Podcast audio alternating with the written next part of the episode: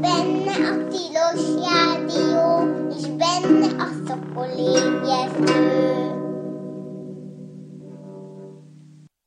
Jó reggelt, jó reggelt kívánok! Ez itt valóban a Tilos Rádió a 90,3 MHz-es frekvencia modulált sávon, benne pedig a szokolébresztő kozmikus háttérműsor. És én dr. MZ per X vagyok ma reggel. Nagyon régóta volt már ilyen, hogy teljesen egyedül leszek most a mai műsorban. Természetesen azért a betelefonálókat be fogom engedni mindenképpen, hogy mégse legyen teljesen igazam ebben a témában, de azért ma az állt elő, hogy nincs állandó, sem különös meghívott szakértő vendégünk, hanem egyedül leszek a stúdióban, és ezen gondolkoztam, hogy ilyen mikor volt már utoljára, és rájöttem, hogy egészen rég. Úgyhogy hát most akkor legalább ilyen is lesz. És a témánk pedig viszont egy, szerintem egy rendkívül érdekes téma, amit ennek tiszteletére választottam, amit pedig úgy fogalmaztam meg az ajánlóban, hogy kozmikus régészet, Na természetesen ez a szakkifejezés nem tőlem származik. A Space Archaeology vagy Cosmic Archaeology kifejezések, ezek természetesen léteznek, és tudományos törekvéseket takarnak, és itt most rögtön az elején leszögeznem, hogy itt nem arról van szó, ami egyébként szintén egy létező és marha érdekes jelenség, hogy az űrtevékenység az hogyan segíthet a földi régészeknek.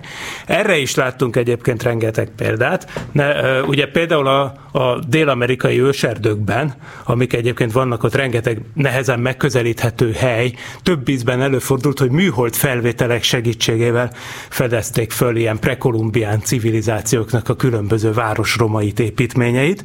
Tehát volt erre példa, sőt, még Európában is volt példa, tehát nem kell ez Dél-Amerikáig utazni.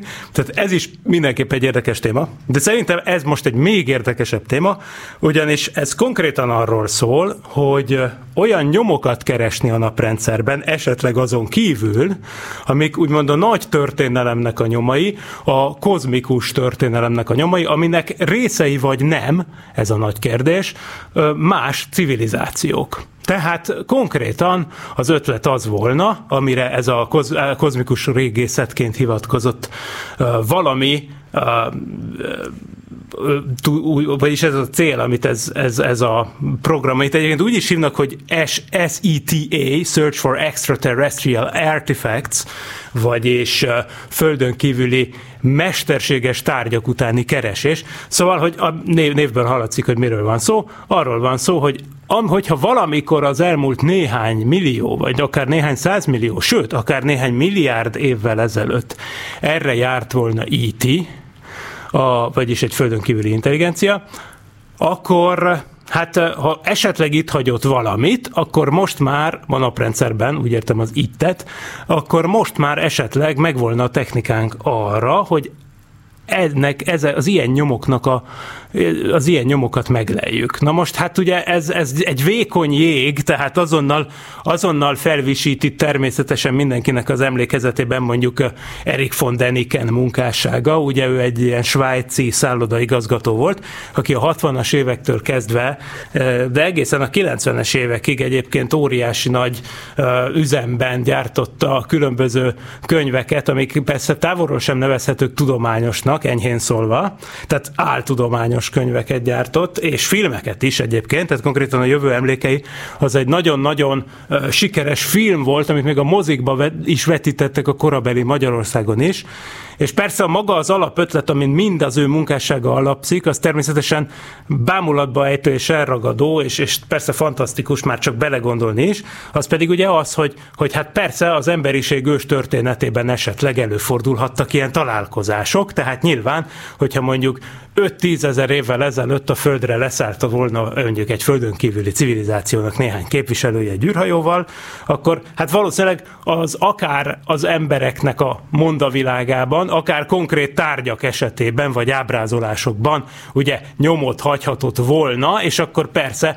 ebből az egyébként tulajdonképpen logikus ötletből kiindulva, ugye a Deniken, akinek persze oldalszámot, meg példányszámot kellett produkálni, meg hát eleve nem, nem tudományos igényességgel állt neki, hanem úgymond műkedvelőként, ez még egyébként nem lenne baj, de a lényeg az, hogy hát szegény aztán már mindenbe, tehát mindenbe uh, űrhajót látott, tehát hogyha mit tudom én, egy, egy, egy majafal freskón látott, vagy hát véseten látott egy, egy trónszéket, amiben feküdt egy király, akkor ő azt azonnal beazonosította úgy, hogy ez csak is egy űrhajó lehet, és benne egy űrhajós fekszik.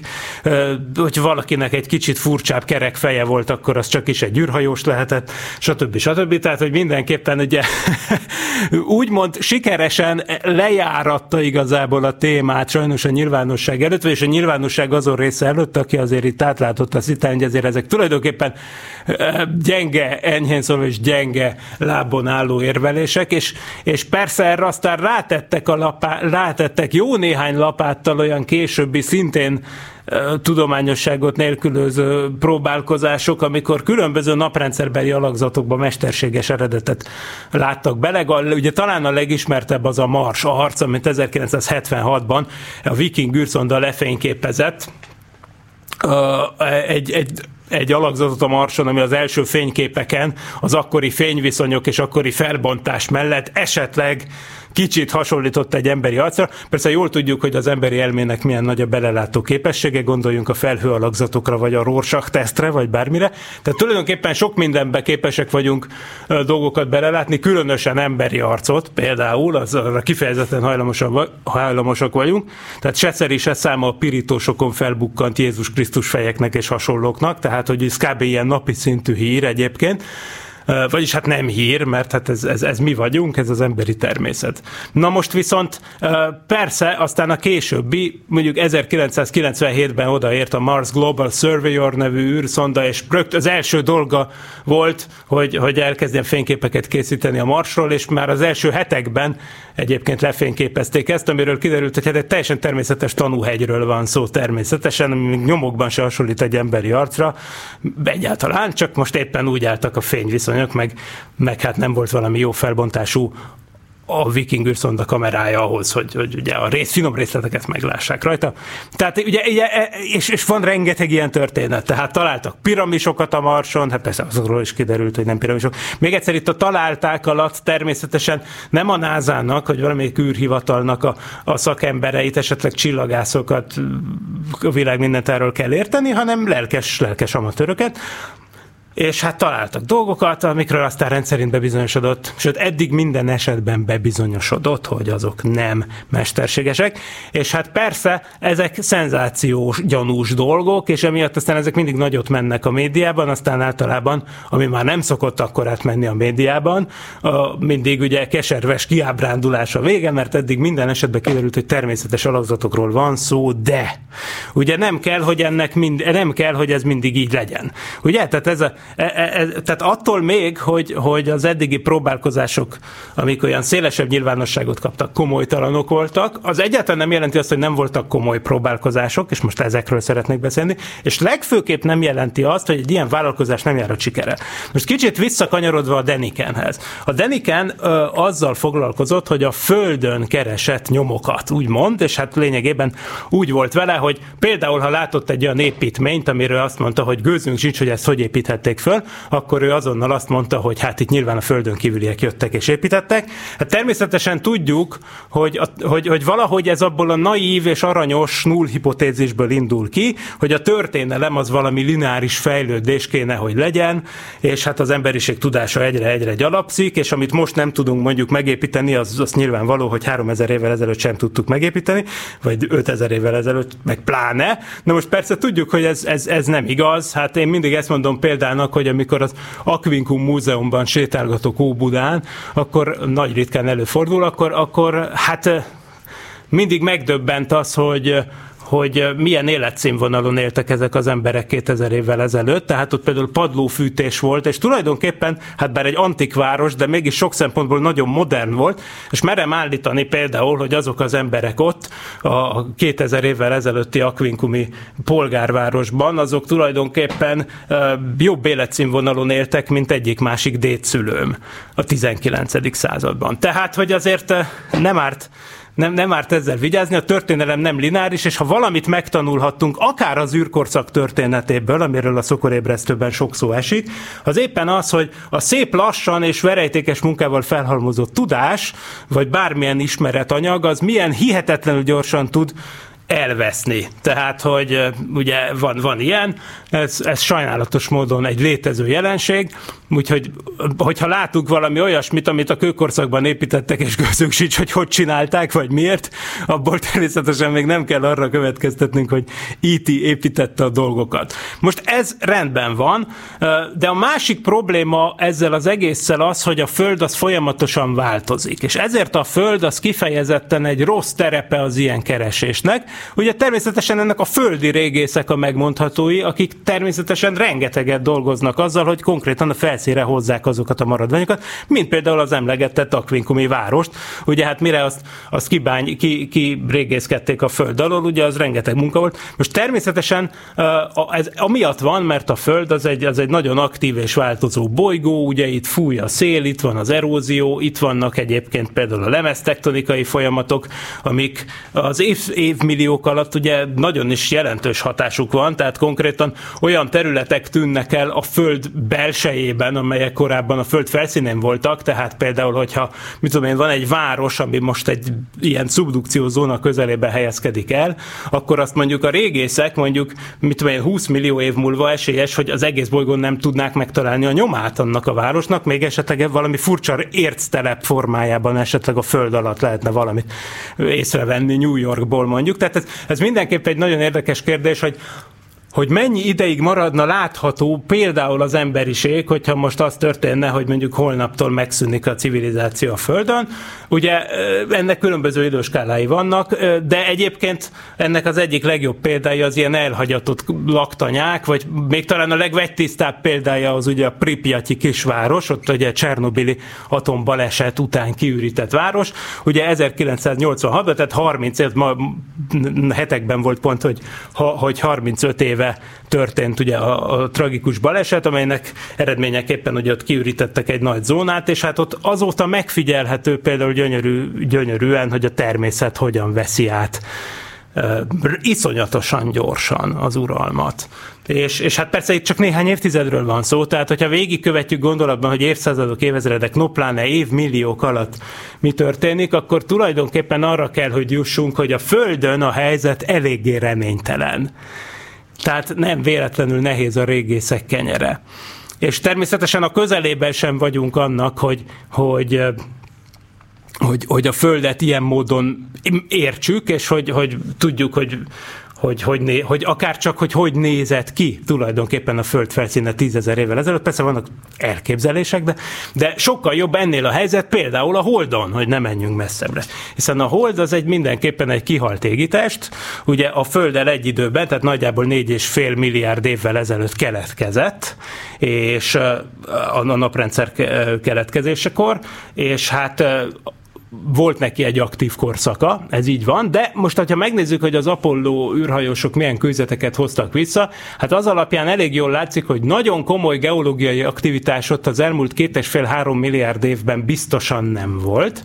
Tehát onnantól kezdve a Hold ez lényegében egy olyan égitest, amit nem formáltak azok a fajta belső erők, amik a Földet formálták. Ugye a Holdnak sohasem volt légköre, vagyis olyan, amit meg tudott tartani, tehát amíg volt rajta esetleg valamiféle vulkáni tevékenység, addig elképzelhető volt valami átmeneti dolog, de tehát egyébként a holdnak ugye nincs légköre, ami egyébként jó, mert így a szél miatt ér erózió az nyilván nem jelentkezik ott, e, és, és persze nincsenek kéregmozgások, a holdnak a belseje az kihűlt, ezt ugye tudjuk az Apollo program óta, tehát tulajdonképpen a hold az valamiféle múzeum, és ezért is nagyon érdekes, tehát az két fontos erő formája azóta. Hát az egyik a becsapódások, de most egyébként becsapódásból is messze akkor volt a legtöbb, amikor a naprendszer fiatal volt.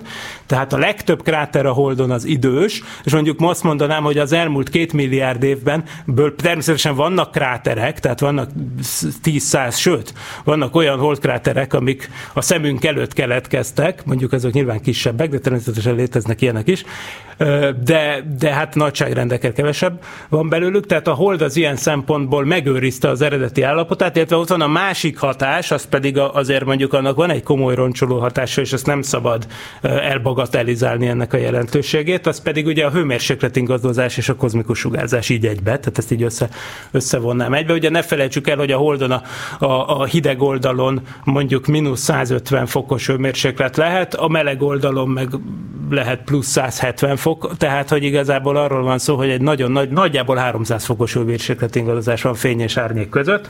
Ez azért mindenképpen olyasmi, ami azért porlasztja a dolgokat. Hát nem véletlenül van a hold tele hold porral, de azért még így is, ugye még, még nem véletlenül hangzanak el azok a szövegek rendszerint, hogy például, hogy mondjam, hogy az űrhajósoknak a lábnyomai azok hát időtlen időkig látszani fognak a holdon, meg ilyenek, ami hát nem tudom mi az az időtlen idő, évmillió, évmilliókig biztosan nem, de mondjuk lehet, hogy évezredekig igen, és hát az, az persze ez, ez rengetegszer több idő természetesen, mint ami a Földön van.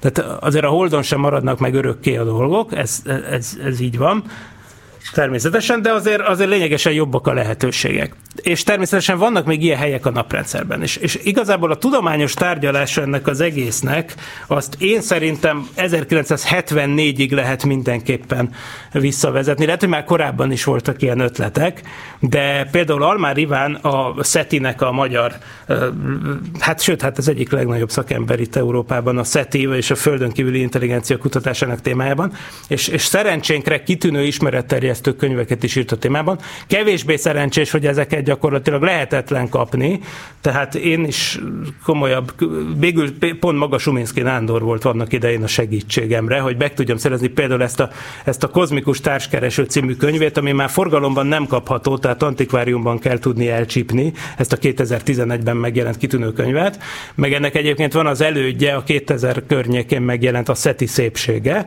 hát az nekem egy világnézet formáló könyv volt, de hát azt meg talán még nehezebb elcsípni, hát de, de érdemes.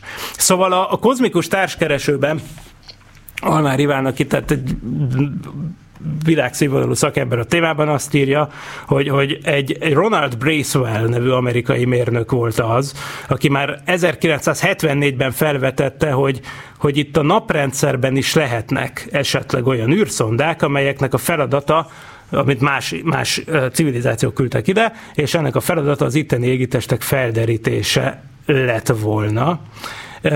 És természetesen ennek is kétféle verzióját különböztette meg már ő akkor. Ezeket egyébként azóta is a SETI vagy SETA közösségekben gyakran hívják Bracewell szondáknak, tehát erről a Ronald Bracewellről elnevezve. De egyébként megjegyzendő, hogy ez a Deniken féle marhaságok után volt, mert a Deniken már szerintem a 60-as években előjött, de ugye ő kifejezetten a földre meg az ős történetre korlátozódott. Itt viszont ugye egy amerikai mérnökről van szó, és, és ugye azért jött 1974-ben az ötlet, mert hát 1974-ben az emberiség már magáénak mondhatott két olyan űrszondát, ami kifele tartott a naprendszerből, a Pioneer 10 és a 11-et, ugye? Tehát ezeket az űrszondákat ugye arra tervezték, hogy a Jupitert, illetve a Saturnust meglátogassák, és mivel hogy tudták, hogy egyáltalán nem is fognak visszajönni, mert ugye ahhoz, hogy ezt a bolygó meglátogatást meg tudják csinálni, hogy ez ugye közel kellett repülni a Jupiterhez, illetve a Saturnushoz, és akkor viszont, amikor közel repültek a Jupiterhez meg a Saturnushoz, azok gravitációja annyira begyorsította a szondát, hogy azok lényegében átlépték a naprendszernek a szökési sebességét, és ilyen módon a Pioneer 10 és 11, és akik persze sose kapnak figyelmet, az ő gyorsító fokozataik, tehát ez a négy objektum már uh, úton volt a Jupiter felé, amikor a Bracewell kitalálta ezt az ötletet, és hát talán innen jött az ötlet. Egyébként persze Carl Sagan is a Pioneer űrszondákra rakta rá azt a híres aranytáblát, amin az integető emberpár van, az űrszonda mellé rajzolva méretskálának, meg a naprendszer helyzete a pulzárokhoz képest, meg egy kis vázlatos rajz a naprendszerről, meg a hidrogénatom két állapotáról, amit szerintük egy értelmes civilizáció, ha megtalál, akkor dekódolni tud. Na, tehát ez, ezek ugye ilyen, ez a 70-es évek eleje, akkor akkor indultak el az emberiségnek ezek az űrszondái, amelyek aztán évtizedekig működtek egyébként, bár nem volt a céljuk az, hogy, hogy, hogy más csillagokig eljussanak természetesen, hiszen csak több tízezer év múlva közelítenek meg ezek bármit lényegében ezek az űreszközök, és persze addigra már rég le fognak merülni, meg hát mi már itt se leszünk, meg minden. De hát a nukleáris áramforrásaiknak köszönhetően azért ezek az űrszondák ezek működgettek, működgettek. És akkor persze azt mondta több rész fel, hogy hát egyrészt miért, nem történhet, miért ne történhetett volna ilyen, amúgy is. Tehát, hogy miért ne lehetett volna hogy más civilizációk is küldtek ide valamit. Na most ugye ő maga megkülönbözteti akkor, hogy kétféle szondáról lehet szó. Van egy, amit célzottan ide küldenek azért, hogy maradjon is itt ugye keringjen a naprendszerben. Most nyilván, eh, hogy az emberi űrprogramban is megtanultuk, ez a drágább megoldás, mert akkor annak itt kell folyamatosan keringenie, és akkor ahhoz ugye le kell fékezni. De ugye az előnye az nyilván az, hogy mondjuk például időről időre ránézhet a Földre, vagy a, arra, vagy, vagy hát az a naprendszernek különböző részeire. Uh, és akkor ugye ezek ilyen dolgok. A másik pedig az, hogy amint egyébként éppen a Pioneer, meg aztán később a Voyager űrszondák esetében is történt, olyan űrszondákat kell elképzelni, amik így tulajdonképpen flyby sorozatokban végig látogatnak különböző ö, csillagokat, vagy csillagok környezetét. Ugye? Tehát, hogy, mert hogy mit csináltak például a, a Voyager űrszondák, ugye ezt a, ezt a ö, Grand Tour, vagy nagy, nagy kirándulás ö, dolgot csinálták meg, hogy olyan ked, nagyon ritkán előálló kedvező helyzetben sorakoztak fel a bolygók, hogy egy űrszonda végig tudta látogatni a konkrétan a Voyager 2, a Jupitert, a Saturnust, az Uranuszt és a Neptunuszt. Majdnem a Plutót is egyébként megközelítette a Voyager 1, csak végül úgy határozták, hogy inkább a Titán felé kanyarodnak a Saturnusnál, és akkor az viszont kizárta a Plutóval való találkozást. A Plutó megközelítésére ugye csak 2015-ben került végül sor. Na, de a lényeg az, hogy, hogy az emberek is csináltak ilyet, ilyen bolygókat végiglátogató űrszondát, és akkor persze adódott a feltételezés, hogy persze egy esetleges földön kívüli civilizáció is esetleg küldhet egy ilyen űrszondát, ami hát nem a bolygókat, hanem különböző csillagrendszereket, csillagokat és bolygórendszereket végig látogatja valamiféle pályán. Most nyilván az utóbbiak azok úgy átsuhannak. Most ilyesmiket azért nehéz találni, bár akkor majd kitérünk, de természetesen nem tudjuk megkerülni, hogy a mai adásban is, is, is szót ejtsünk az Oumuamua történetéről, de most még ez egy kicsit később legyen. Szóval a, az ötlet az volt, hogy ez azért nagyon jó, mert kb. meg szeretnénk magyarázni a Fermi paradoxont egyrészt.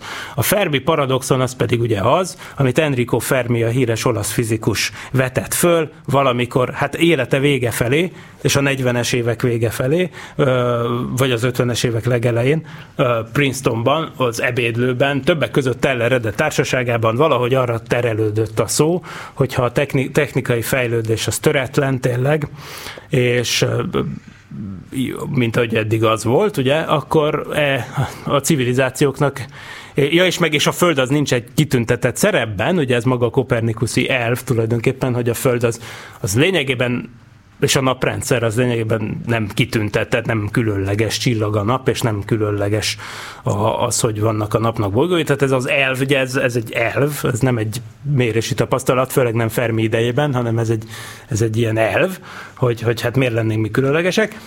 Nem tudjuk amúgy, hogy ez így van-e de kiindulásnak, nullhipotézisnek jó. Ebből viszont, hogy nem vagyunk különlegesek, és ha van technikai fejlődés, abból viszont könnyű eljutni arra, hogy hát tulajdonképpen az univerzum tele kell, hogy legyen nálunk fejlettebb civilizációkkal, és mivel ők nálunk fejlettebbek, ezért hangosabbak és látványosabbak is, meg közlekednek, és hát akkor ezért kérdezte meg Fermi, hogy hol van mindenki, mert hát ugye szemlátomás nem találkoztunk még senkivel. Na most ugye hát erre lehet egy ilyen magyarázat, ugye, hogy, hogy hát bizony az a gond, amit ugye nagy szűrőnek szokás nevezni, hogy az lehet a gond, hogy eh, hát eh, a civilizációk például nem élnek végtelen sokáig, mert onnantól kezdve, hogy elérnek egy technikai szintet, onnantól kezdve kb. szükségszerű az, hogy szegények eh, úgymond kioltsák a saját életüket. Tehát ezek ilyen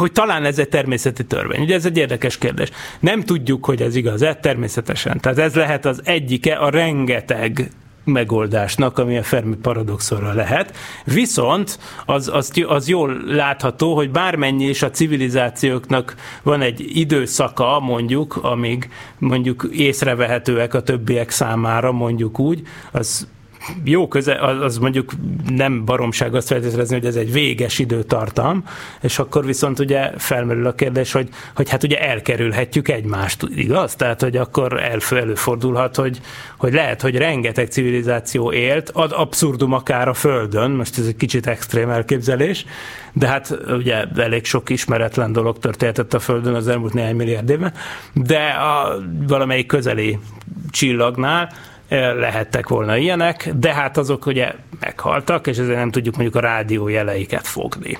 De hát akkor itt jön ugye a régészet, mint nagy ötlet, hogy akkor keressünk űrszondákat. És akkor azt a fajta Bracewell szondát, amelyik mondjuk itt ragadt a naprendszerben, mert ide küldték, akkor azt bizony érdemes lenne felderíteni. Na most ehhez ugye az egyik ötlet, amit már mondtam, a hold. Ugye a hold az eléggé kézenfekvő abból a szempontból, hogy a hold az nagyon közel van, és ráadásul a felszín, ja, és azt már mondtam ugye, hogy, hogy gyakorlatilag háborítatlan vidék, ebből a szempontból ideális, és abból a szempontból is ideális, hogy már 2009 óta a hold körüli pályán kering a Lunar Reconnaissance Orbiter nevű űreszköz, ami lényegében egy méteres, vagy most már néha már annál is jobb felbontású képeket készít a holdról.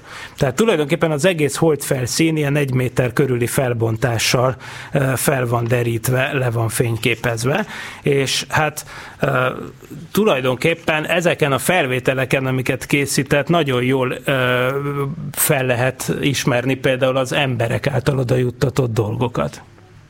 Tehát például ott lehet eh, látni az Apollo űrhajók leszálló egységeit, a holdkompoknak az alsó részét, ugye például, sőt a, hold, a holdautók kerék nyomait, esetenként az emberek sétálásának a nyomait is, ugye elképesztő, hiszen az embereknek nem egy méteres a lába, de mégis, mégis ki lehet venni egyszerűen amiatt, mert, mert a, a holdpor legfelső rétegének a napsugárzás miatt másmilyen a színe, mint az alatta levő rétegnek, tehát hogyha az ember fölrugdossa a port, akkor ott egy sötétebb csík kell keletkezik, vagy épp egy világosabb csík, ezt most meg nem mondom, de a lényeg az, hogy egy kis kontraszt keletkezik, azt hiszem sötétebb, igen. Tehát egy sötétebb csík keletkezik, amerre az emberek jártak. Tehát ilyen dolgokat lehet látni a Holdon. Ez segített abban is, hogy például elveszettnek hit emberalkotta tárgyakat, például az egyik szovjet lunohod rovert megtalálják a Holdon, mert nem tudták, hogy az végül az útja végén pontosan hova parkolt le. Tehát, hogy ilyenekre alkalmas ez az eszköz, és természetesen ugye itt ez az az eset, amikor tudjuk, hogy nagyjából hova kell nézni, és akkor megnézték az emberek az Apollo leszállóhelyek környékét, és örömmel visítottak fel, hogy na hát tényleg ott a Holdcomb, ezek szerint mégse Hollywoodba vették fel. Na, viszont ugye a probléma az, hogy ez a Lunar Reconnaissance Orbiter, ez iszonyatos mennyiségű adatot termelt, egészen konkrétan több mint két millió ilyen egy méter körüli felbontású felvételt, amelynek a legnagyobb részére egyáltalán nem pillantott rá még soha emberi szem. Tehát igazából ugye ezek nagy adatbázisokba kerülnek bele, amiket a, a kutatók különféle adatbázis feldolgozó algoritmusokkal értékelnek ki, attól függően, hogy éppen mi a céljuk, és ilyen módon akkor persze létre is hoztak egy digitális holtérképet, de mindez nem változtat azon, hogy van egy csomó olyan része, egy csomó olyan fénykép, amire ember még nem nézett rá. Ugye ez nyilván egy óriási feladat lenne, két és fél millió felvétel, és akkor természetesen, mivel hogy ez nem is feltétlenül egy embernek való feladat, ezért aztán vannak próbálkozások, amelyek arra irányulnak, hogy, hogy mesterséges intelligencia segítségével nézzék át ezeket a képeket, konkrétan azzal a céllal, hogy keressenek rajta olyasmit, ami furcsa. Ugye ez az érdekes, hogy, hogy amikor az ember tanít egy mesterséges intelligenciát, akkor ugye, vagy egy ilyen gépi tanuló algoritmus pontosabban, akkor ugye arról van szó, hogy kell neki definiálni egy tanítóhalmazt. Most egy tanítóhalmaz az, amiben megtanítjuk neki, hogy mi, mi az, amit mi érdekes dolognak tartunk. Ugye? Most esetleg ide persze be lehet rakni az ismert űrszondáknak, meg egyéb emberi űrszemeteknek a holdi korábban fölismert fényképeit ugyanettől az űrszondától, hogy tessék, itt vannak. De hát ugye abból kevés van, tehát még így is, hogyha minden Apollo, meg Luna, meg, meg Chang, meg minden ilyen izé, leszálló helyet belerakunk, és arról a készült fényképeket, meg a becsapódási helyeket, meg rovereket, meg akármit, az azért még mindig-mindig nagyon kicsi tanulóhalmaz. Nyilván lenne tanítóhalmaz, bocsánat, nyilván lenne egy olyan tanítóhalmaz, ami meg csak olyan képeket tartalmaz, amiket amik tipikusak, és amiket már látott emberi szem, és tudjuk, hogy nincs rajtuk semmi úgymond érdekes ebből a szempontból. Tehát ez még mindig, mindig egy nagyon kicsi tanító halmaz, és akkor törtük a fejünket, ugye Werner Norbi állandó szakértő barátunkkal, akivel belevágtunk egy ilyen projektbe.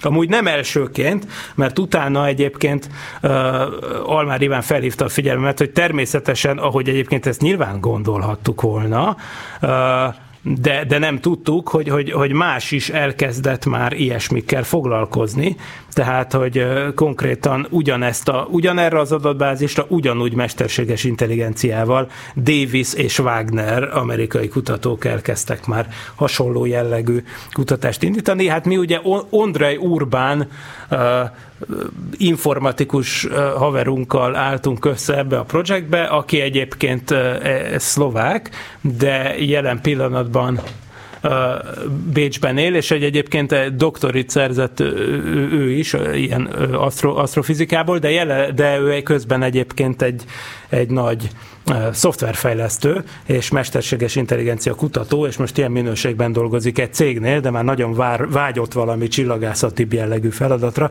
úgyhogy hát akkor most így összeálltunk, és akkor végül az a stratégia rajzolódott ki, és ezt nem tudom, hogy Davis és Wagner esetében, hogy mi a helyzet, de a mi esetünkben az a csapás irány rajzolódott ki, hogy első körben arra kérnénk meg az algoritmust, miután letöltjük ezt a bazi nagy adatbázist, hogy az a szűk keresztmetszet, zárójeles megjegyzés, hogy, hogy az LRO felvételei mindenki számára elérhetők, csak nehezen kezelhető online adatbázisokban vannak fönn, de ott vannak a neten, tehát a nyers képek, amiket ez az űrszonda terme, mint hogy ez ugye az amerikai adófizetők pénzén készítette ezt a nagyjából két és fél millió képet eddig a Holdról.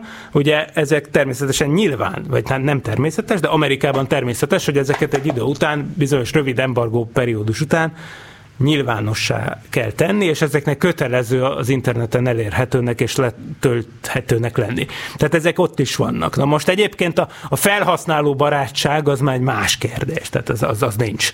És egyébként nagyon, nagyon lassan jönnek le az adatok, de mindegy, hogyha lejönnek az adatok, vagy lehet, hogy azóta már lejöttek, már az Ondrejjel régen beszéltünk ebben a témában, de hogyha lejöttek az adatok, akkor ugye az lesz az ötlet, hogy először is keressen az algoritmus valami olyasmit, ami furcsa, ami kilóg. Tehát igazából mindenféle outlierre kíváncsiak leszünk, tehát nem akarjuk rátanítani feltétlenül arra, mert mondom, az kevés is lenne tanítóhalmaznak, hogy most izé uh, Apollo leszálló egységek hogy néznek ki, tehát az igazából nem, nem, nem, nem annyira jó.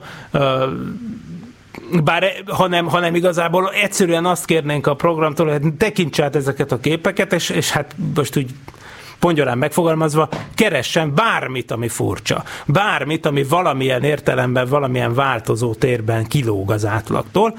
Ugye ezek nagyon nagy valószínűséggel rendszerint majd ilyen képátviteli hibák lesznek, mondjuk ott hiányzik egy pixel, vagy mit tudom én, tehát ilyes, ilyesmik fognak kijönni nagy részt.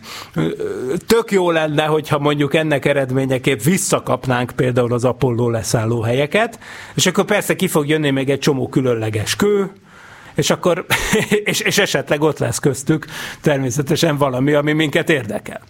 Mert ugye nyilván az az ötlet, hogy, hogy nem, nem azt gondoljuk egyébként feltétlenül, ugye ezt, ezt azért szeretjük, szeretném tisztázni, nem azt gondoljuk, hogy, hogy azért repült ide az IT, hogy a holdat fölkutassa, és akkor a holdon hagyott valamit, hanem egyszerűen csak azt gondoljuk, hogy a sok százmillió év alatt, ami rendelkezésünkre áll ebben, a hold az összegyűjtött ezt-azt. Tehát a holdon felhalmozódott némi űrszemét, még akkor is, hogyha, hogyha az nem kész akarva került oda.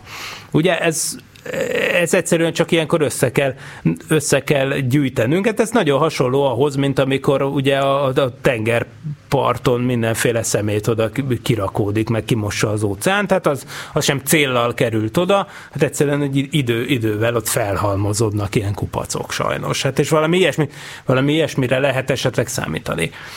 Na most ebből még ugye nincsenek eredmények, ez jelenleg gyerekcipőben jár ez a projekt. De aztán itt vannak még a más lehetőségek, mert, eh, és akkor itt egy nagyon érdekes dolog, amit szintén Almár Iván ajánlott a figyel, figyelmembe, ezúttal is köszönöm, Jim Benfordnak a cikkét, aki egyébként egy plazmafizikus, meg egy Microwave Sciences nevű cégnek a vezérigazgatója, de, de ilyen SETI gondolatkörökben is eléggé aktív, írt cikkeket, például az Astrobiology című folyóiratba, az egy neves folyóirat, és nagyon érdekes ugye, hogy létezik, ez nem csak ilyen folyóirat, hanem ez egy létező tudományterület, Astrobiology, ugye, tehát ez konkrétan azzal foglalkozik, amiről nem tudjuk, hogy van-e ugye?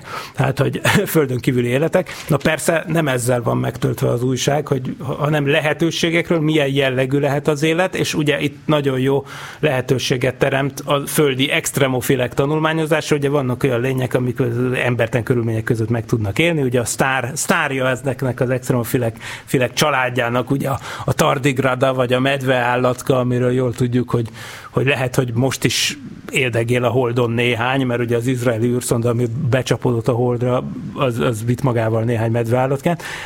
Tehát, hogy a medveállatkák azok törhetetlenek. Na például ilyesmiket is, meg, meg nagyon sok mindent, tehát ez egy létező komoly tudományterület az asztrobiológia, vagy bioasztronómia, mind a két kifejezés használatos.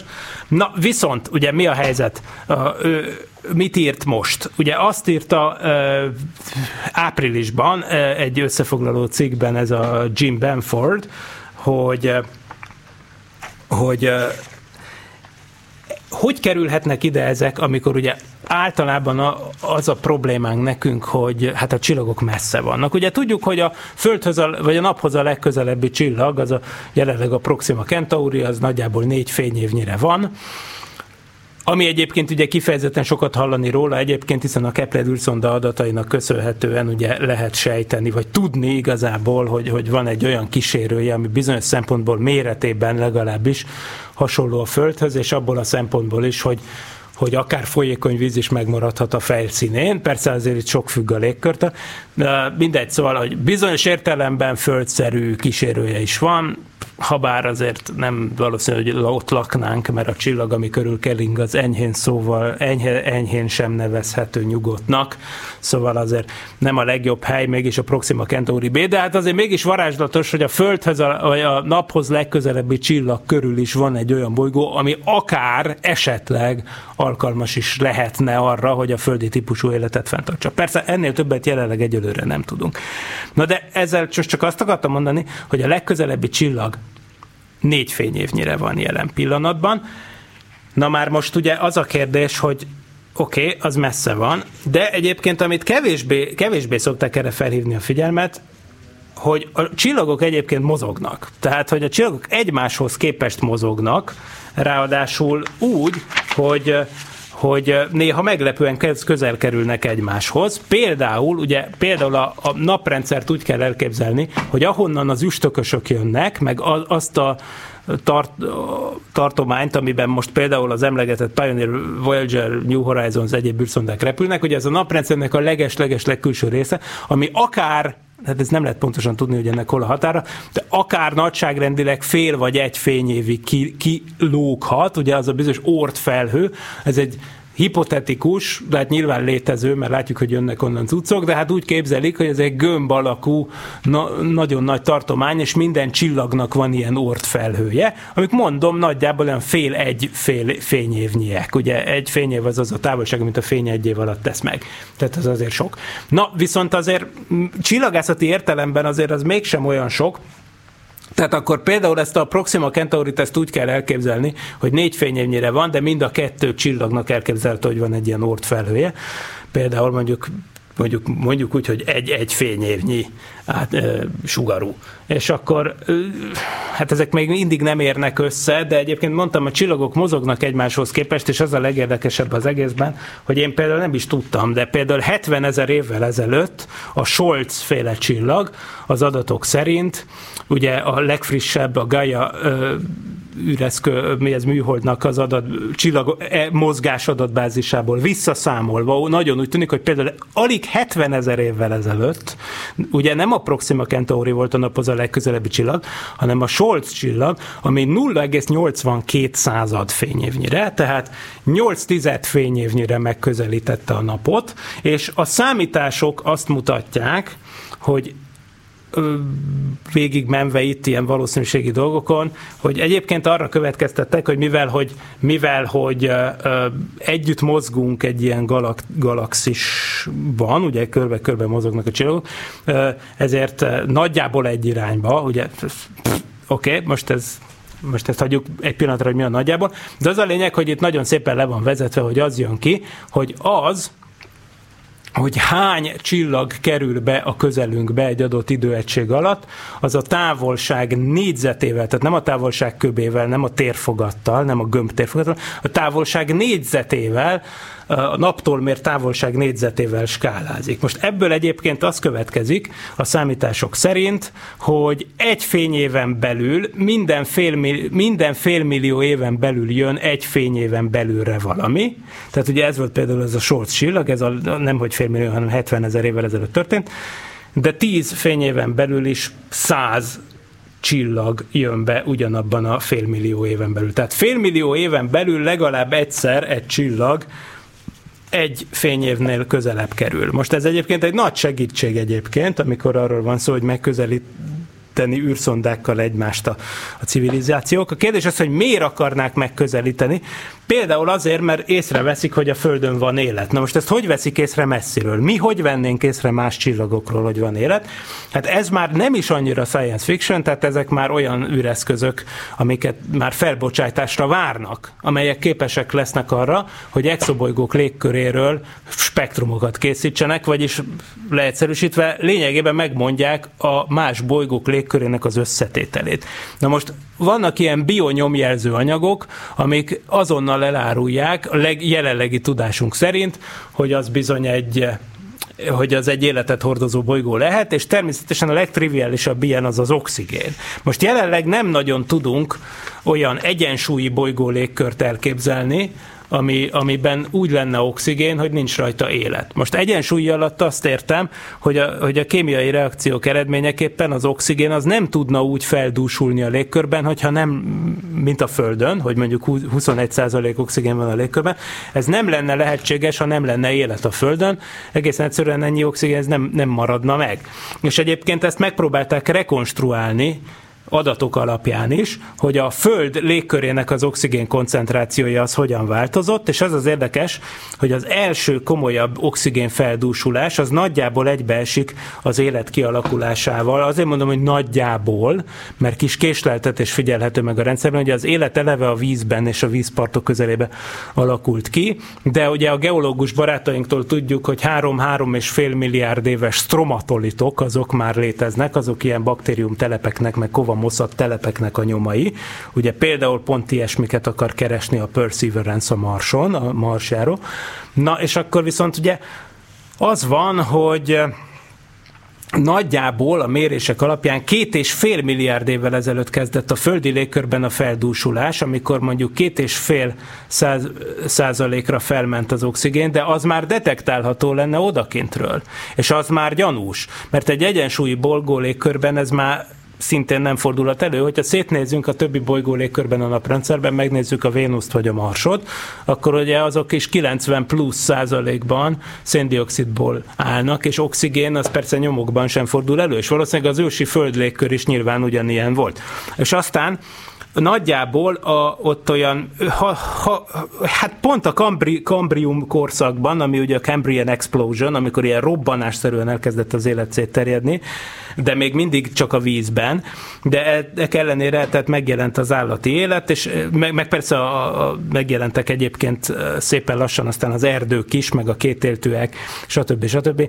Tehát nagyjából 570 millió évvel ezelőtt elkezdett brutálisan feldúsulni, és egyébként nagy nagyjából először ezt a mostani 20%-os szintet nagyjából olyan 350 millió évvel ezelőtt érte el. Érdekes, hogy akkor túl is szaladt egyébként, tehát eh, volt olyan korszak, nagyjából 300 millió évvel ezelőtt, ez marha érdekes, amikor 35%-ra becsülik az oxigén koncentrációt. Tehát érdekes, hogy ez nem egy konstans érték, hogy ez folyamatosan változik. De azt akarom mondani, hogy, hogyha IT e mondjuk megfigyelt volna minket mondjuk a, mit tudom én, néhányszor tíz fényéves távolságunkból egy, egy űrtávcsővel, mint ami néhány év múlva nekünk is lesz, akkor, akkor kellett volna, hogy észlelje ezt, és akkor kaphatott volna egy ötletet, hogy érdemes oda küldeni egy szondát, mert hogy például lehet, hogy őt is érdekelte, hogy élet van. Tehát ilyen, ilyen biosignature, tulajdonképpen ezek életjelek, élet nyomjelző dolgok, hogy ilyen légköri spektrumokban ki lehet mutatni az oxigént, tehát ilyesmikre ugye rájöhettek.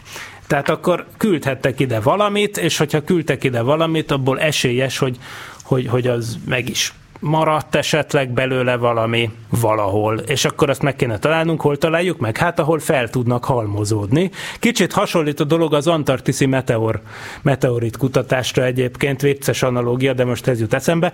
Ugye az Antarktiszon az a mondás, hogy ugye az fehér, és, és ezért nagyon szeretnek oda, küld, oda juttatni ilyen meteorit kutató expedíciókat, mindenki, tehát amerikaiak, de a japánok is, az európaiak, az oroszok is, mindenkiknek vannak ilyen, ilyen expedícióik, mert Ugye, hát ugye az a helyzet, hogy ugye persze folyamatosan esik le, naponta több tonnányi meteoritikus anyag esik le a földbolygóra, de nem véletlen, hogy általában nem, nem feltűnő, tehát hogyha egy bazalt kődarabot talál valaki, akkor azonnal nem, nem nyúl oda, hogy hát ez mi, ez honnan jött, mert ez majdnem úgy néz ki, mint egy földi bazalt. Ezért aztán nem véletlen, hogy a legtöbb meteorit, amire hogy az emberek felfigyelnek és fölszedik, azok vasmeteoritok. Most a vasmeteoritok azok abból a szempontból nem érdekesek például, hogy, hogy azok biztos nem más bolygókból szakadtak le. Úgyhogy vannak ezek a, a kutatók, akik mondjuk a az Antarktiszra járnak, hogy Marsról meg Holdról származó, onnan ki, becsapódások által kiszakított kőtörmelékeket keressenek,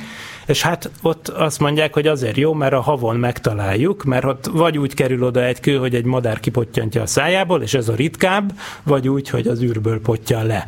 Ez a gyakoribb. De az Antarktiszon is vannak ilyen nagyon jó jégmozgások, tehát az Antarktisz uh, hótakarója sincs igazából nyugalomban, hanem van egy nagyon-nagyon-nagyon lassú folyás a bizonyos irányokba, és akkor az Antarktiszon van egy Ellen Hill nevű hegység, és annak a hegységnek a lábaihoz folyik tulajdonképpen tulajdonképpen a hó, és ezért aztán ott felhalmozódik a, az egész Antarktiszra rá, ráhulló meteoritikus anyag, tulajdonképpen összegyűlik valamiféle kisebb tartományba, és akkor igazából ezért aztán az az ilyen meteorit kereső expedícióknak egy kedvelt színhelye, ez az Ellen Hill.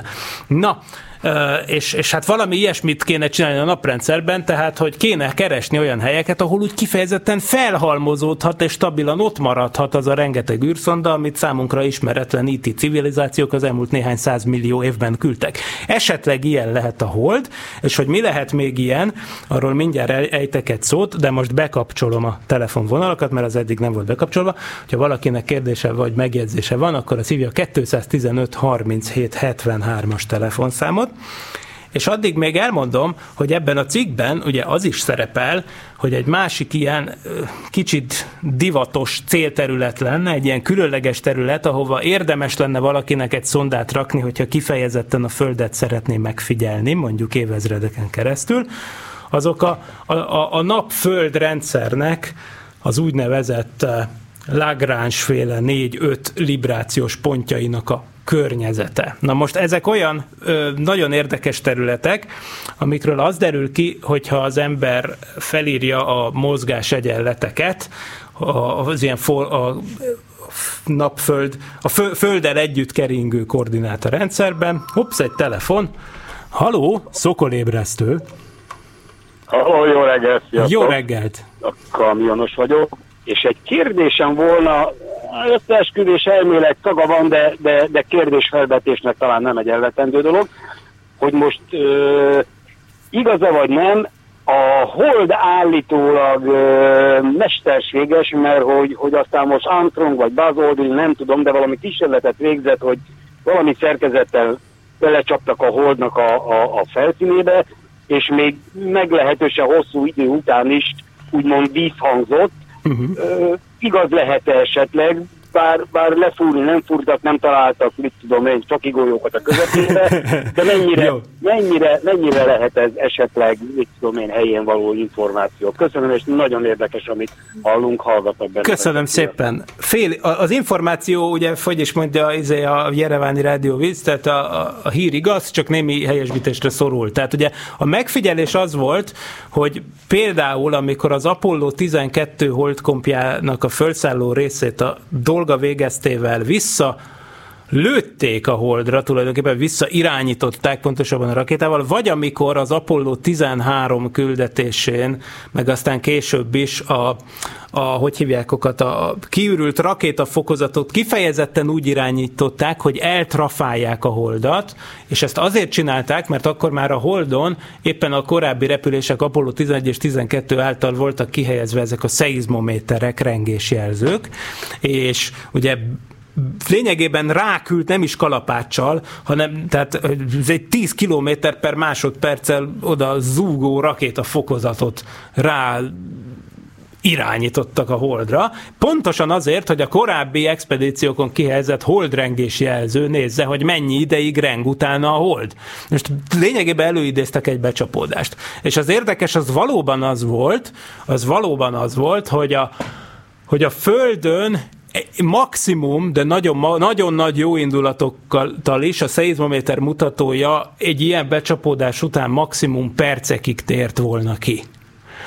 Mert a Földnek a belseje az ugye, ugye hogy nagyon, nagyon is ismert az a kísérlet, ugye, hogy hogy tudom megállapítani egy tojásról, hogy keménye, vagy lágy tojás. Ugye megpörgetem őket, és ugye amelyik hamarabb lefékeződik az a lágy tojás. Miért? Mert a lágy tojásban van ott az a folyékony anyag a belsejében, vagyis nem is azt mondom, hogy lágy, hanem nyers, bocsánat, tehát a kemény tojás és nyers tojás, és a nyers tojásban ott van a folyékony vötyi, és ugye az egyfajta fékezést csinál. Most nagyon hasonló okok miatt az olvad belsejű és aktív föld, földön tulajdonképpen elnyelődnének ezek a rengés hullámok sokkal ö, gyorsabban, és a holdon meg az volt a döbbenet, hogy órákig jelzett utána a szeizmométer. Tehát ezt mond, mondták, hogy a hold az úgy zúg, mint egy harang. És akkor ez a kérdés, hogy miért? Hát én azt még, az, az, az enyhén szólva is furcsa elképzelés, hogy a hold mesterséges lenne, azért tényleg, tehát ebből erre következtetni az kicsit erős, de az biztos, hogy a hold belsejének másmilyen a szerkezete, mint a földének. Én szerintem ez elsősorban egyszerűen csak annak tudható meg a to- be a tojásos analógia miatt, amit az előbb mondtam, hogy a hold belseje jelenleg nem olvad, hanem csontszáraz, és emiatt sokáig tud rezegni, mert nincsen benne folyadék, ami a Földhöz hasonlóan jobban lett csillapítsa a rezgéseket. Most nyilván ez egy pongyol a magyarázat, de, de szerintem észszerűbb, meg elfogadottabb, mint a, mint a mesterséges eredet. Amúgy én ezt még nem is hallottam, hogy ebből valaki arra következtet volna, hogy a hold mesterséges. Az lenne az igazi amúgy, hát most itt keressük a Holdon magán a mesterséges dolgokat, persze vicces lenne, ha maga Hold lenne, ha azt te nem. Haló? Halló, halló. Itt, itt vagyunk. Uh, szia, én Augusti, és a, a, erre az oxigén kérdésre akarok rákérdezni, hogy én sok ilyen videót nézek így esténként lefekvés előtt uh, erről a témáról, hogy, hogy a két és fél milliárd, két és fél milliárd évvel ezelőtti oxigén feldúsuláshoz egy kihalási esemény kapcsolódik uh-huh. az emlékeimben. Uh-huh. Pont azért, mert hogy aki addig volt élet, annak a nagy része elpusztult attól, az oxigéntől, mert hogy azoknak a számára az az, az, az éppen földúsuló Így van, az méreg volt. volt. Így van, így van. Így van. De hát ugye ettől függetlenül igaz, hogy ez is az élethez köthető, tehát igen. Igen, és aztán hát a további igen, növekedés... organizmusok hozták, igen. Is, hozták létre az oxigént is, Így van. A, akkor, ott, akkor ott gyorsan átalakult a, Így a, van. a, a fauna, mert hogy akik addig voltak, azoknak nagy része viszont kihalt. Hát az biztos, hogy volt egy kihalás, meg az is biztos, biztos, hogy ugye azért nagyon sokáig nem ment ki az élet a szárazföldre egyébként pont ezért.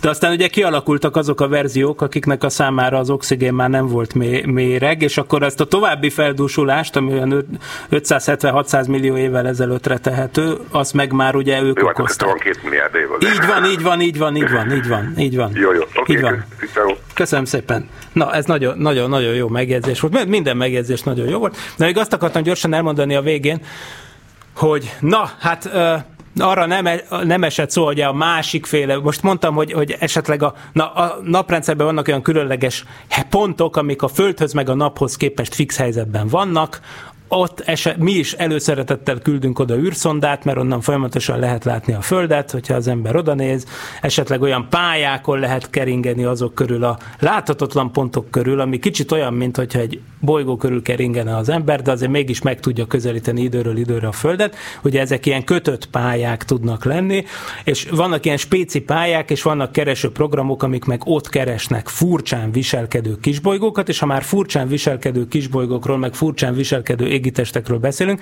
akkor természetesen, ugye, ami nagyot ment a médiában, és megírtam, hogy visszatérünk rá, ugye az az Oumuamua nevű égitest, ami ugye az első olyan égitest volt, amit fölfedeztek, ami naprendszeren kívüli eredetű valami volt, de átrepült a naprendszeren, nem úgy viselkedett, mint egy szokásos üstökös, sőt nem úgy viselkedett, mint egy üstökös, mert furcsa fényingadozásokat mutatott, meg nem volt teljesen olyan a pályája, mint hogyha egy szabadesési pályát követne. Tehát voltak vele kapcsolatban érdekes dolgok, de sajnos túl későn fedezték fel, és nagyon-nagyon kevés adat van róla, és igazából nagyon teoretikus minden ebben a témában, de hát ugye aki leginkább hallatja a hangját a témában, az az Avi Leib, az a harvardi professzor, ezzel kapcsolatban, aki konkrétan pro, eléggé provokatív módon ennek a mesterséges eredetét vetette föl. Most ebbe nem fogok belemenni, hanem csak javaslom, hogy van nekünk ugye a Parallaxis blogunk, a Parallaxis podcast az a mi társműsorunk, és ugyanúgy, ahogy a szokolébresztő adásokat, meg a kísérő cikkeit, amit írok hozzá, azt a parallaxis.emtv, tehát Emese Márta Tamara Viki, emtv, parallaxis.emtv.hu oldalon el lehet érni. Ugyanúgy visszahallgatható a Parallaxis Podcast 46.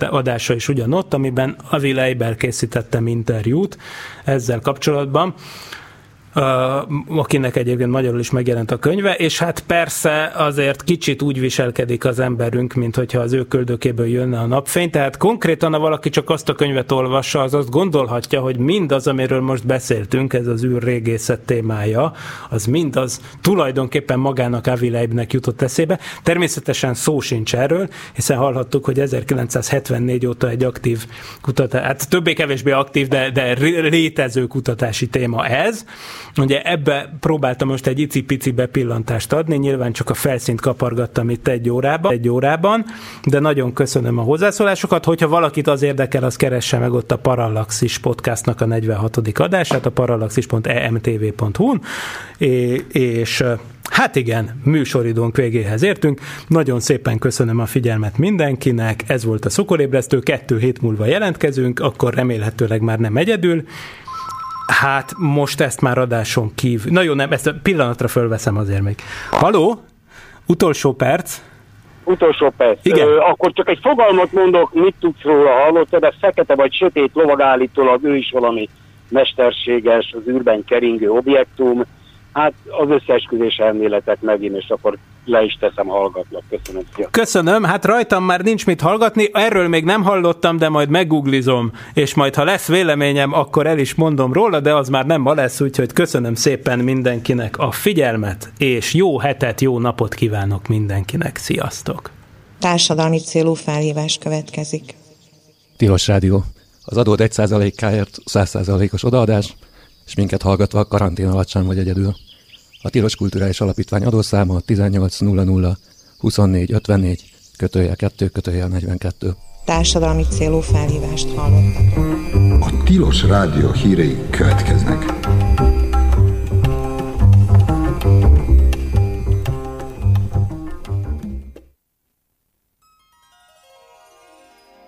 Összesen 13.428 állampolgárt regisztráltak sikeresen a koronavírus elleni védőoltásra az Oltas, hogy élhess címmel lezajlott országos civil kampány önkéntesei és aktivistái az elmúlt három hétben Magyarország leghátrányosabb helyzetű kis településein, szegregált városrészekben, zsákfalvakban írta meg szinte minden lap.